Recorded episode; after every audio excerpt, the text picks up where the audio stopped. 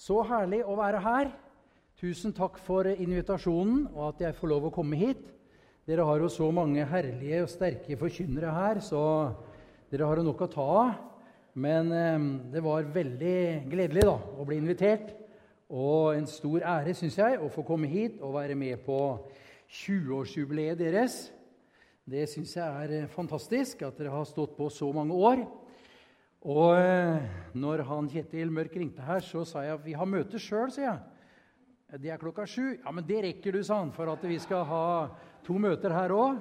Og servering imellom. Så hvis ikke du preker for lenge, så går det bra. og det gjør det. Så herlig. Gratulerer med dagen til menigheten her og til Evangeliesenteret. Um, vi har skrevet et lite kort her. Vi har en blomst her også, forresten, fra menigheten. Og vi skrev til Evangeliekirken Østerbo gratulerer med 20-årsjubileet. Takk for det friske pustet dere er i Østfold, for det er dere. Må Gud rikelig velsigne dere i årene som kommer. Hilsen fra Soekirken. Og så lå det noe nedi her òg. Jeg fikk en sånn invitasjon til bryllup nede i Danmark nå. En eh, predikant som jeg kjenner, han eh, mista kona si for noen år siden, og nå skulle han gifte seg igjen. Og så sendte meg en invitasjon. Og så sto det sånn nederst Jeg fikk ikke på papir, fikk bare på mail nå. vet du. Det kommer nesten alt elektronisk. Og så sto det nederst på så sto det 'Tips til gaver' sto det til brudeparet. Og så var det en sånn konvolutt der. Og så tenkte jeg det er sånn sikkert sånn å trykke på. Du trykker på, så åpner det seg. vet du. Så trykka jeg og trykka, men det åpna seg ikke. Så tenkte jeg, er det ingenting bak der? Forklarer de ikke noe mer? Men så skjønte jeg det. Gavene skulle ikke være større enn at det gikk inni konvolutten. Det er det som var meningen. Jeg var litt treig av meg. vet du. Det er noen som har det litt tungt, og jeg har det litt tungt. da. Men til slutt så skjønte jeg det, og da gjorde vi det sånn fra menigheten òg. Så det ligger nedi her, så har dere en hilsen med noen skjerver i her, da. Så gratulerer med dagen. Lykke til videre. Fantastisk å være her. Og jeg må si Lise og Ludvig Karlsen og hele Evangeliesenteret hva de har betydd for eh, pinsebevegelsen, pinsevekkelsen i Norge, og langt utover pinsebevegelsens grenser. Det har vært et friskt pust. Det er liksom det jeg tenker på. Jeg tenker på Evangeliesenteret. Ikke minst Jostein, da, som eh, er litt sånn frontfigur i den der ah, hopp og dans. Vi kommer til Det Det passa litt inn i teksten min her i dag. Jostein. Så jeg syns det er så fantastisk herlig å kjenne de her friske vitnesbyrdene. Og jeg hører om hva Gud gjør gjennom Evangeliesenteret. Det fryder jeg meg over og ser det som en stor ære at jeg kan være her og dele Guds ord med dere. Ellers er det ikke første gang jeg har blitt forveksla med Jan Hanvold. Jeg var nede i Danmark og skulle ha møter. Jeg har vært masse nede i Danmark. Og da kom jeg et sted. Så kom de med blad. Det er mange år siden. 'Det her er deg, er det ikke det?' sa de. Jan Hanvold Nei, nei, nei, sa det er ikke meg. Og en gang, Jeg har vært et par ganger nede i Elihu nede i Tønsberg. Og Første gangen jeg var der, så sa pastoren Jan, bli med inn på kontoret litt etter møtet. Og Da var vi inne på kontoret litt, tok en kopp kaffe. Og da var det Jan Hagen, Jan Hanevold, Jan Halvorsen. Og så er det en til der nede. Han heter Jan Helsvik. Han var ikke med der da, men han bor der nede og har møte. Så, så vi, egentlig så ble jeg litt sånn deppa for at jeg leste en sånn statistikk nå har jeg spora litt av, da, men det er to minutter ekstra. Men eh, jeg leste en sånn statistikk at i det 20. århundre, eller i rettssystemet i Norge de som, altså Av de flest, de som var dømt Det navnet som gikk, gikk igjen flest ganger av de som var straffedømt, det var Jan. Ah, tenkte jeg, er det, er det oss liksom i klubben her? Men, men, så leste jeg en annen statistikk som sa det at Jan er det mest brukte navnet i Norge i det 20. århundret. Og Jan Johansen det er det mest vanlige navnet i Norge. Det er det 700-800 som heter. Så jeg heter Halvorsen, altså litt annet sånn da. Ellers er det et komplisert navn når du er i utlandet. Jeg reiser en del. Og når jeg er i utlandet, så heter jeg ikke Jan Halvorsen, for det er ingen som klarer å si. Så da heter jeg bare John Hall. Det er enkelt. Så hvis du ser det står noe sted, og det er bilde av meg, så er det ikke skrivefeil. Det er bare mitt internasjonale navn. Så da fikk vi oppklart det. Ok, så bra. Har de Bibel med? Jeg elsker at folk har Bibel med. I Afrika, Jeg er ofte i Afrika, jeg har vært der mer enn 25 ganger. Der slår de med Bibelen sånn her. Sånn her, For det skal høres ut som en hær som kommer galopperende. Så djevelen skal bli litt skremt. Skal skremme liksom vann av djevelen. Slå litt sånn her. Ja, Ja, det var ikke så verst. Det var dårlig hvis det hadde vært i Afrika, men det var bra til å være norsk. da. For eh, det er bra å ha med seg Guds ord. Det er det vi bygger på. Tenk at grunnsten her er det en bibel. Det er det faktisk hos oss også i menneskelokalet vårt. Når vi bygde det, så la vi også ned en bibel i det her skrinet. Og det er jo bra, et bra symbol. Vi bygger på Guds ord. Selv om det er en fysisk bygning, så har vi gjort det her etter Guds ords prinsipper. Nå ved menigheten gjør Gud et verk i tiden, og vi får lov å være med. Og alt folket sa Amen. Det er bra det er med så langt, da. Så fint å se Asbjørn her. Vet du, Asbjørn han er medlem i menigheten hos oss. Gunnløv og Asbjørn. Gunnløv og Victoria kom på møter. Men jeg sier, 'Hvor er Asbjørn?' Nei, han er i Russland eller Kroatia. Og alle helgene han er fri, så er han ute med Evangeliesenteret. Så jeg må hit opp for å se han da. Men det er fint å se deg, Asbjørn. Herlig at vi kan møtes av og til. Ok, Har du Bibelen med, skal du slå opp i 2. Mosebok, kapittel 15. 2. Mosebok, kapittel 15. Og jeg sendte til broderen her også en liten powerpoint. så Noen ganger hjemme så deler jeg ut prekenutkast. Jeg vet ikke om det er helt uh, stuerent her eh, på Østerbo, men noen ganger gjør jeg det. Og uh, Så sier jeg til folket når du kommer hjem og du spør hva preker om, så bare viser du dem prekenutkastet.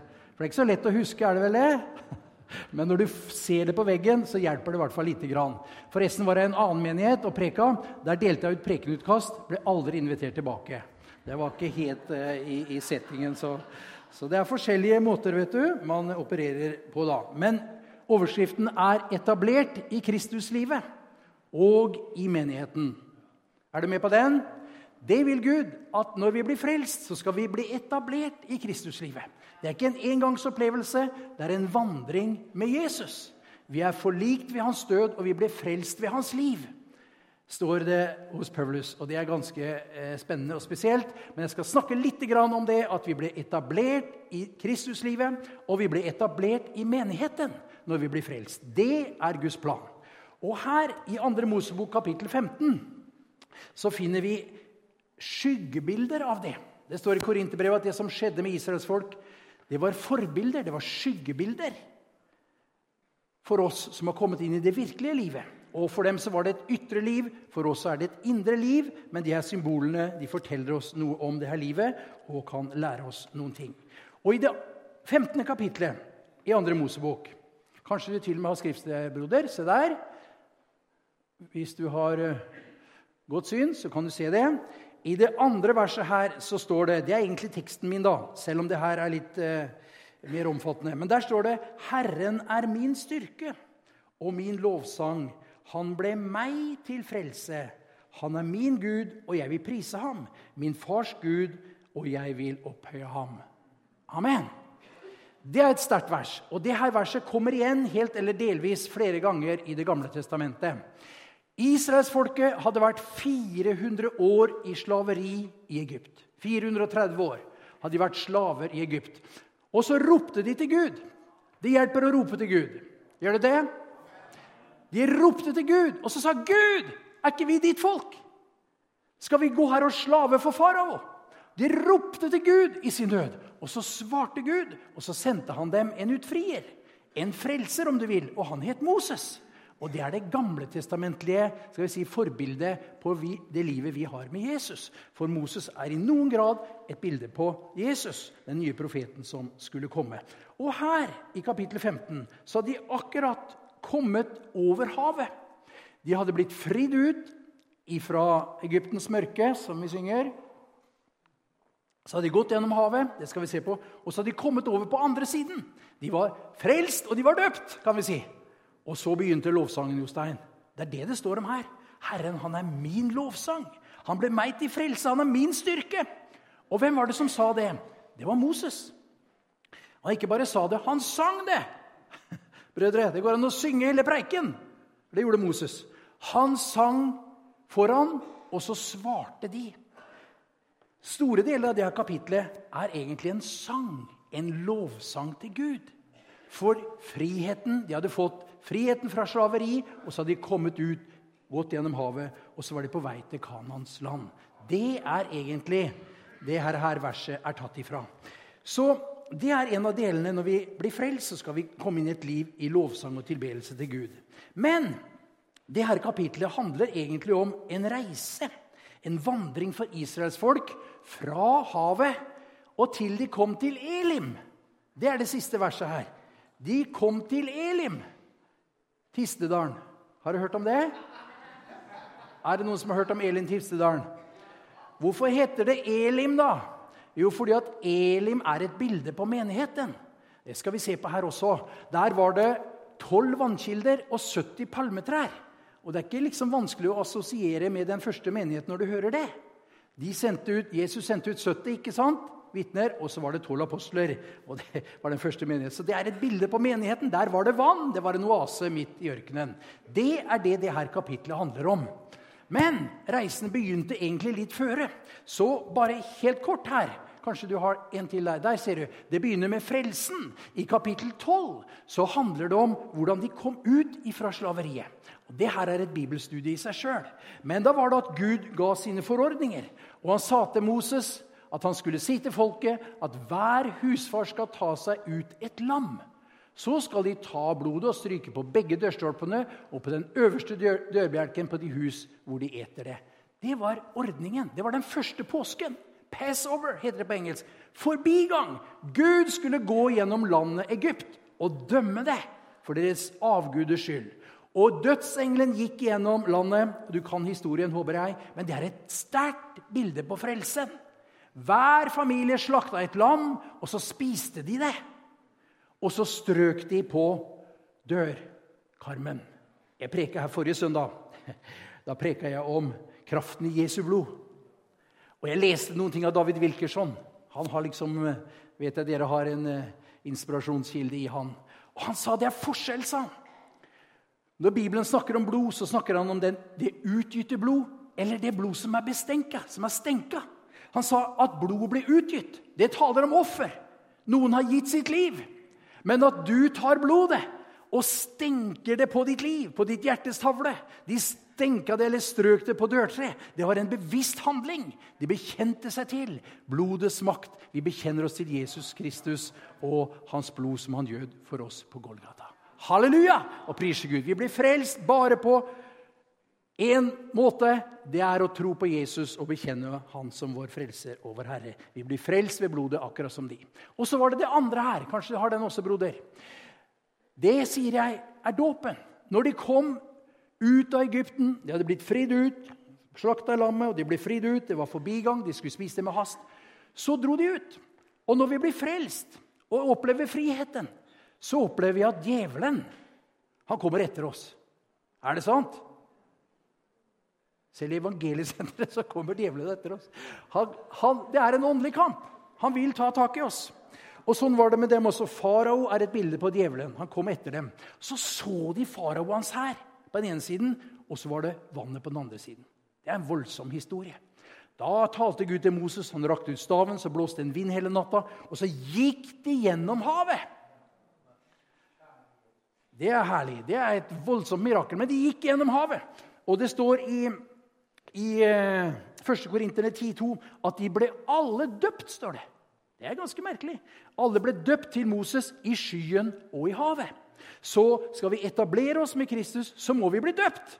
Og Jeg gleder meg å høre at dere skal ha dåp her i dag. Det er fantastisk flott at mennesker lar seg døpe. Jeg var her på stevne i sommer og gikk ned til hva heter det, Bu, Bunesjøen. Og så dåp der nede. Jeg tenkte wow, det her er herlig. Det er nesten som å være i Afrika. Der døper man folk en masse. vet du, Og det er riktig så mye si, sirkus og liv rundt det der da, som det blir noen ganger. Men man skal la seg døpe og det at de ble, gikk gjennom havet, det er et bilde, et åndelig bilde på den dåpen som vi tar når vi lar oss døpe til Kristus. Det er herlig. Og så kommer det her tredje, som vi begynte med. Broder, hvis du har det tredje der nå, så skal vi ta med det også. Der leste vi 'Herren er min styrke og min lovsang'. Han ble meg til frelse. Når vi har blitt frelst ved å tro på Jesus, vi har latt oss døpe til Kristus, da må vi begynne å leve Kristuslivet. Og da er det et liv i lovsang og tilbedelse. Er det sant? Jeg bruker å si til folk hvis ikke du vet noe annet om bønn enn at du skal tilbe Gud og prise Jesu navn, så vet du ganske mye. Du vet Når Jesus nærma seg tempelet, og disiplene begynte å prise Gud med høy røst Har du lest det? For de jeg hadde sett, så sa de andre Hysj, hysj, hysj. Dere har vært i Israel. ikke sant? Der er sånn der Silence, holy place. vet du. Skal liksom være stille. Men Jesus han syntes ikke det var så flott at det var stille. Han syntes det var fint at, at de fryda seg og ropte. Og barna i tempelet som prisa Gud. Jesus sa, 'Har dere aldri lest', han? 'Av barns og diebarns munn har du beredt deg lovprisning' for å stoppe munnen på fienden og den hevngjerrige. Så vi er kalt til å leve et liv i lovsang og tilbedelse. Når du priser Jesus, når du hyller ham, så bygger du en trone. Det Jesus har gjort, og det han er, det blir en virkelighet i ditt liv. Fordi du synger det ut, du bekjenner det med din lovsang. Det er en maktfaktor i den åndelige verden. Det får djevelen til å fly. Og her i dette kapitlet Det syns jeg var veldig herlig å, å, lese her. Og nå kommer du her, Jostein, og søstrene. For du skjønner Etter at Moses hadde sunget hele denne sangen om Guds storhet, og de svarte så står det etterpå da når Moses liksom var ferdig, vet du, så kom søstrene, søstera hans, Miriam.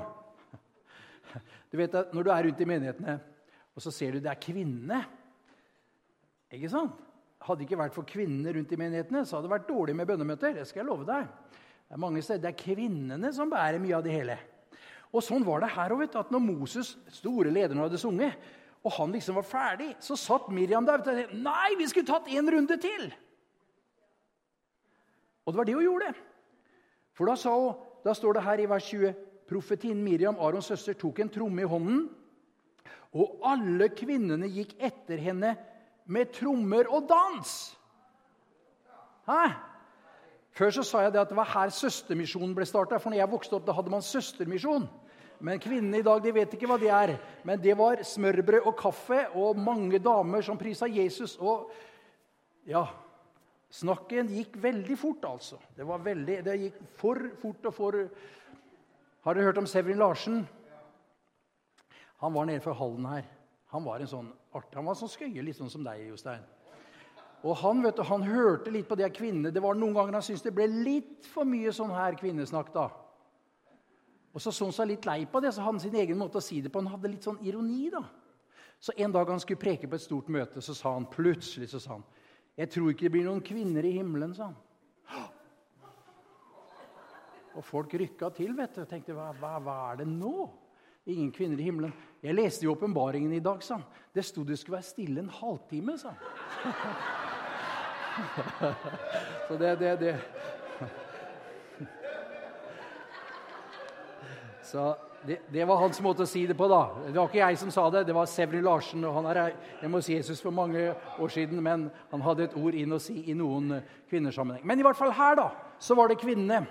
Og Miriam sang fore.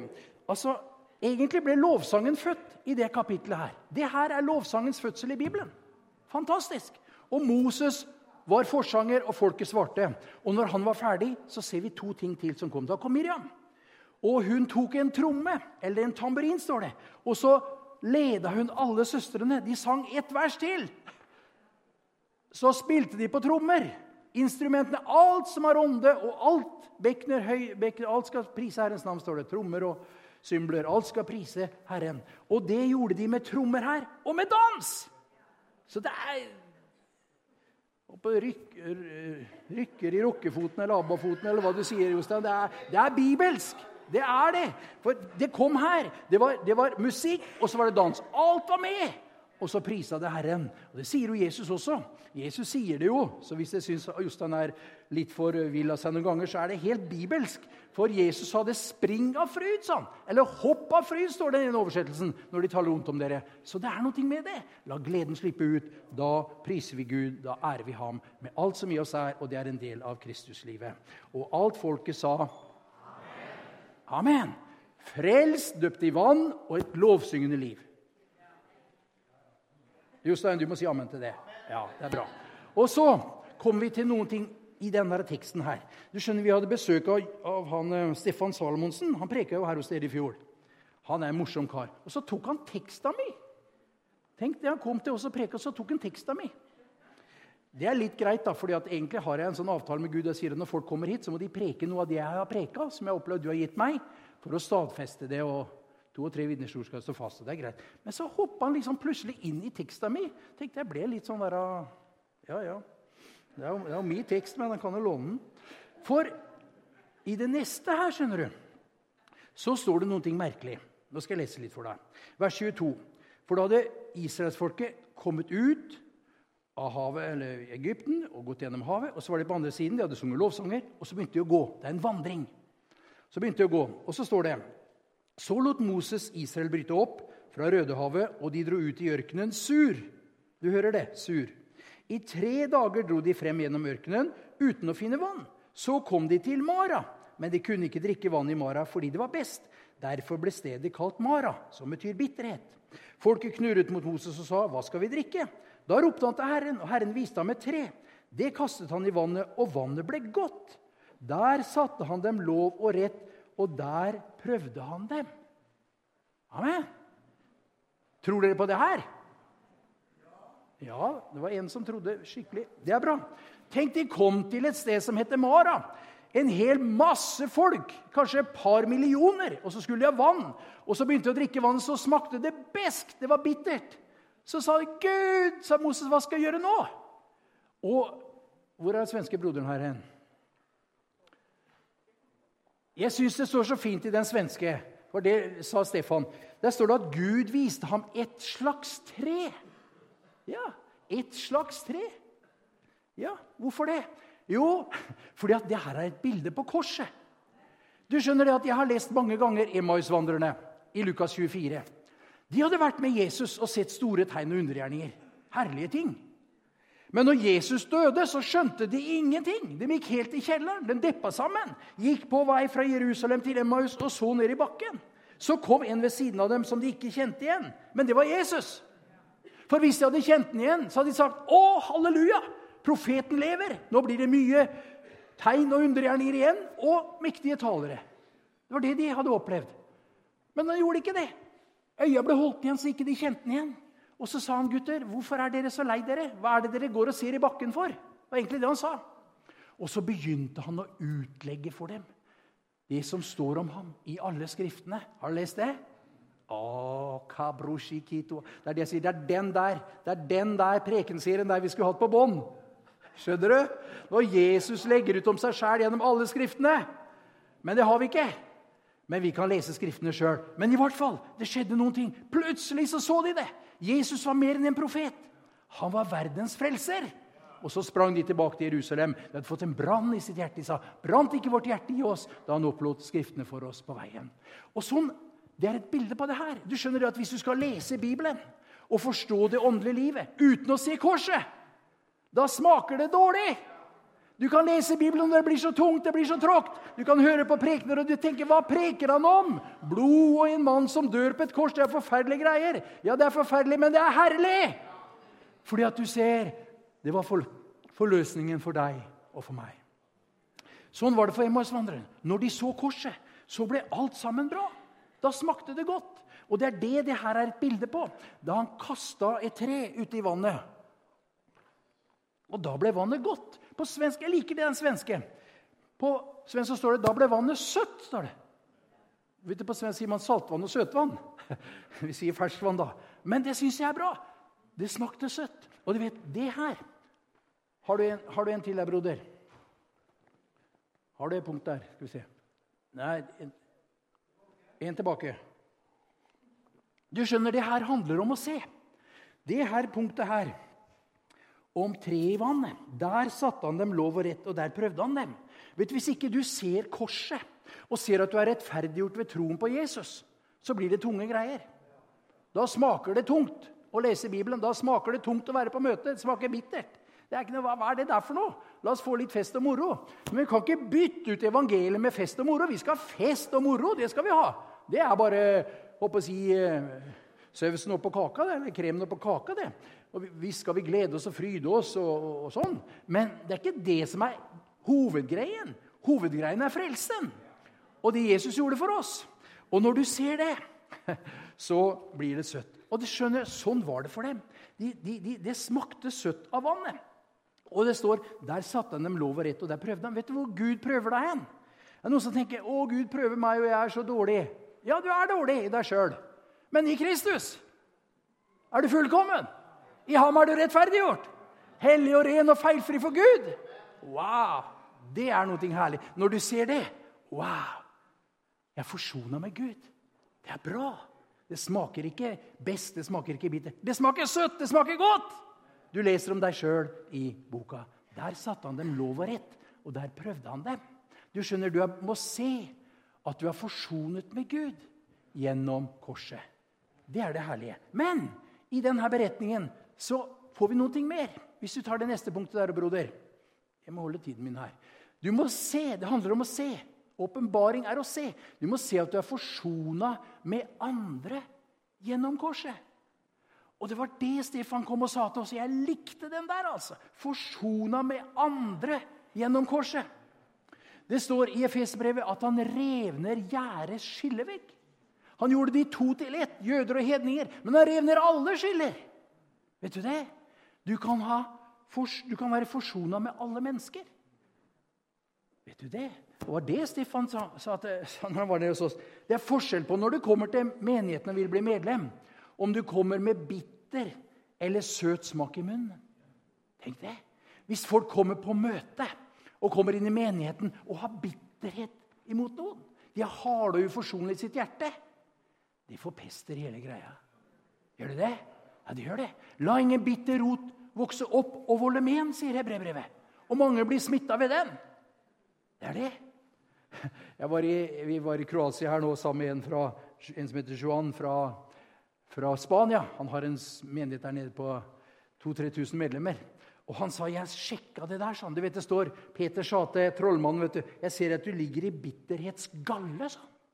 Ganske kraftig ord. Gallen vet du, det er sånn avfallsstoffer som du skiller ut i kroppen og så går ut i fordøyelsen.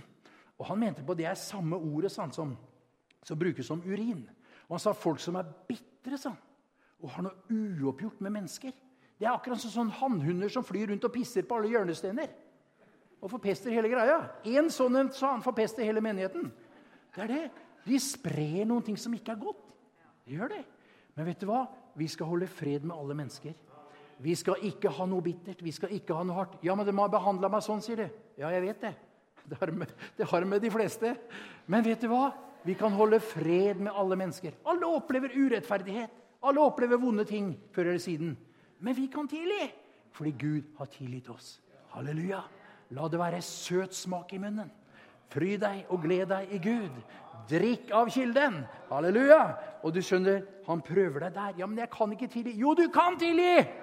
Hvis Jesus kunne tilgi dem som spiker han til korset, og Stefanus kunne tilgi dem som stena han, så kan du og jeg gjøre det også. Fordi vi har Guds kjærlighet i vårt hjerte. Og alt folket sa Amen. Og så var det en til, broder. Mange punkter her i dag. Herren som vår lege. Og det står det her i det neste her. Der står det 'dersom du hører på Herren din Guds røst'. Det er neste vers av det jeg leste. 'Og gjør det som er rett i hans øyne', dersom du gir akt på hans bud og holde alle hans forskrifter. Det var den gamle pakta. Da vil jeg ikke legge på deg noen av de sykdommer som jeg la på egypterne, for jeg er Herren din lege. Tenk at vi som frelste folk kan ha Herren som vår lege. Kan vi det? Vi kjenner Jesus. Doktor Jesus. Han er vår lege. Og her står det at om vi holder alle hans bud og alle hans forskrifter Nei, men de klarer jeg ikke, sier du. Nei, men det har Jesus ordna for deg. Og hans bud er at vi skal elske hverandre. Det er det nye budet. Så hvis, hvis vi elsker hverandre og lever i lyset, så er det i orden med Gud. Da har han behag i oss, og da vil han være Herren vår lege. Det er det mye å si om, og det er det mye herlig om. Men den skal Asbjørn ta neste gang han preker her. Alt folket sa amen. Til syvende og sist her. Har du en til her, broder? Ja. Så står det her, skjønner du. Nå skal du se her. Det er det siste verset hvis du har Bibelen med. Vers 27. Så kom de til Elim. Å, jeg liker den der.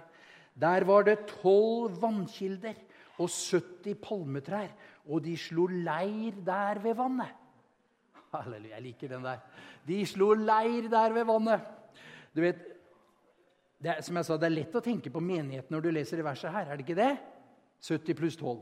Jeg har dilla med sånn tall, så jeg må bare passe meg så ikke jeg liksom havner inn der. da. I dag så er det Kristi himmelfartsdag, vet du. Ja, det er 40 Asbjørn, da. Jeg slapp Asbjørn, jeg skal ikke spore sånn, men vet du, det er 40 dager. Neste, altså neste helg da er det pinse. Pentekoste. Det betyr 50. 50. Det er 7 ganger 7. Det er 49, og så kommer det 50 år. Det er jubelåret. Det er bilde på evangeliet. Kom for å forkynne Men i dag så er det Kristi himmelfartsdag, og det er den 40. dagen. Og 40 Det får du på prøve, sier jeg på bibelskolen. 40 det er et bilde på test og prøve. Jesus var sammen med dem i 40 dager, viste seg for dem, talte om Guds rike. Og så begynte et ti dagers bønnemøte. Ti er mange ganger i Guds ord et bilde på å vente. Å, nå hører det knaker her. Den, den, den, skal vi, den, skal vi, ta på bibelskolen. Men 50 det er to ting. Det er 7 ganger 7 pluss jubelåret eller 40 ganger 10. Men glem det der. Men i hvert fall her står det om 70. At Herren sendte ut 70. Og vet du at Broder, da må jeg si jeg har, jeg har problemer med svenske bibelen. altså. Ikke på det verset her, men over i Lukas. Det står at Herren sendte ut 70. Står det det i Bibelen din? Har du lest det? Men når vi hadde bibelskole, så hadde vi en svensk. Vi hadde noen svensker i menigheten vår. Så hadde vi en svenske iblant oss. Og i hennes bibel så sto det 72. Så var det en ganske nyfrelst iblant oss som sa 72 i den svenske bibelen. sa han. Da tenkte han litt Var de to der svensker, da, eller sånn?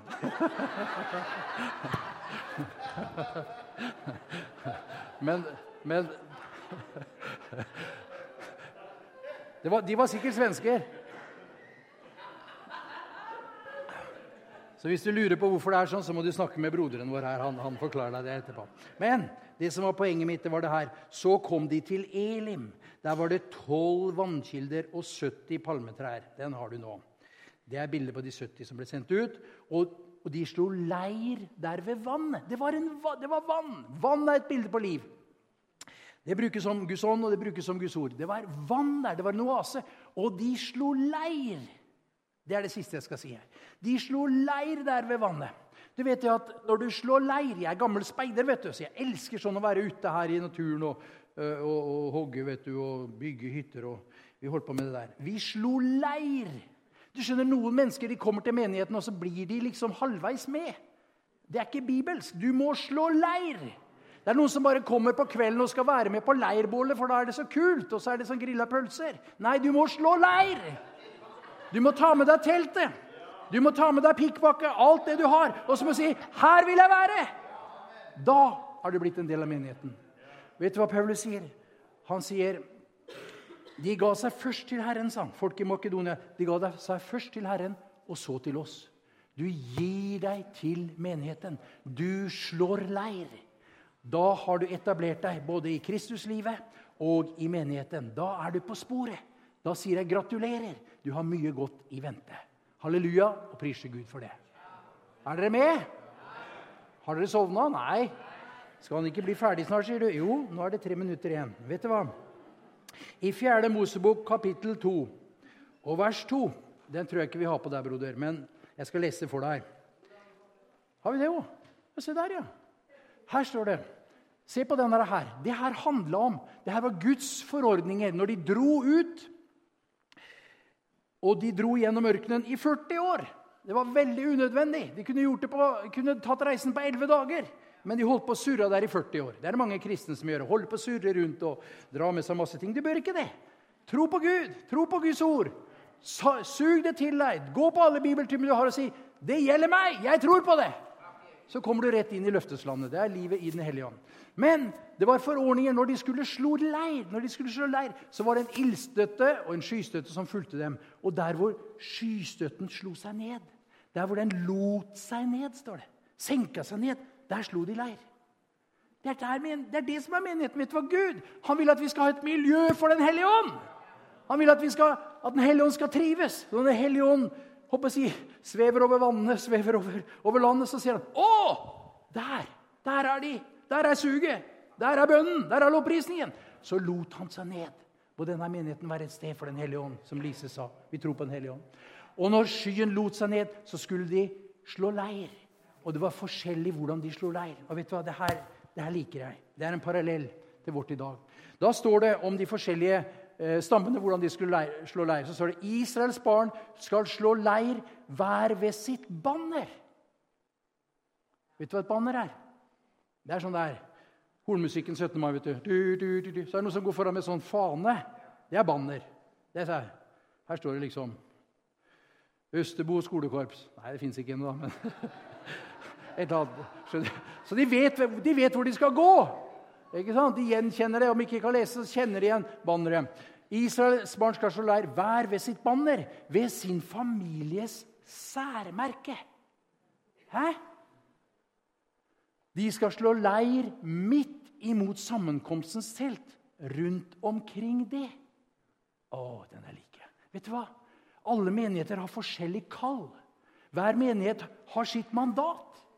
Ikke sant? Jeg vet Vi som menighet vi har vårt mandat. Jeg vet Gud kalte meg til å starte menigheten. Vi har holdt på i 28 år. Og vi holder på ennå. Hvorfor det? Fordi Gud kalte meg til det. Og kalte oss til det. Og jeg vet hva han sa. At vi skulle drive misjon, vi skulle drive barnearbeid. Jeg har noen ting i mitt hjerte. Jeg vet det her har Gud gitt oss. Og det er vårt særmerke. og Faktisk har vi syv sånne banner som, som liksom er lista opp noe av det som er hovedpunktene i vår visjon og det vi tror på. Og Sånn var det her også. Hver ved sitt banner. Og dere som evangeliesenteret, ikke begynn å holde på med alle forklaringer om åpenbaringen og endetiden og, og masse merkelige strømninger i tiden. Hold dere til Jesus! og friheten og blodet. Halleluja! Få mennesker frelst og fri. Få dem dukka under og fylt med Den hellige ånd. Og send dem ut for å, for å vinne mennesker for Gud. Det er deres mandat, og det er fantastisk hva dere har gjort. Og det inspirerer oss andre til å være med og henge med på lasset. Det syns jeg er kjempebra. Slå leir. Vær ved sin, sin families særmerke. Men det var én ting her. Broder, de skal slutte hele tiden, de predikantene. vet du. Det er sånn. Jeg vet det. Nå skal jeg slutte. Det siste her. De skal slå leir midt imot sammenkomstens telt. Rundt omkring det. Vet du hva det betyr? Sammenkomstens telt, eller tabernakle, det er et bilde på Jesus. Vet du hva? Samme hva vi har for særpreg, hva vi har for kall, hva vi har for mandat. Det er én ting som må være hovedsaken for oss, og det er Jesus. Vi skal slå leir rett imot han.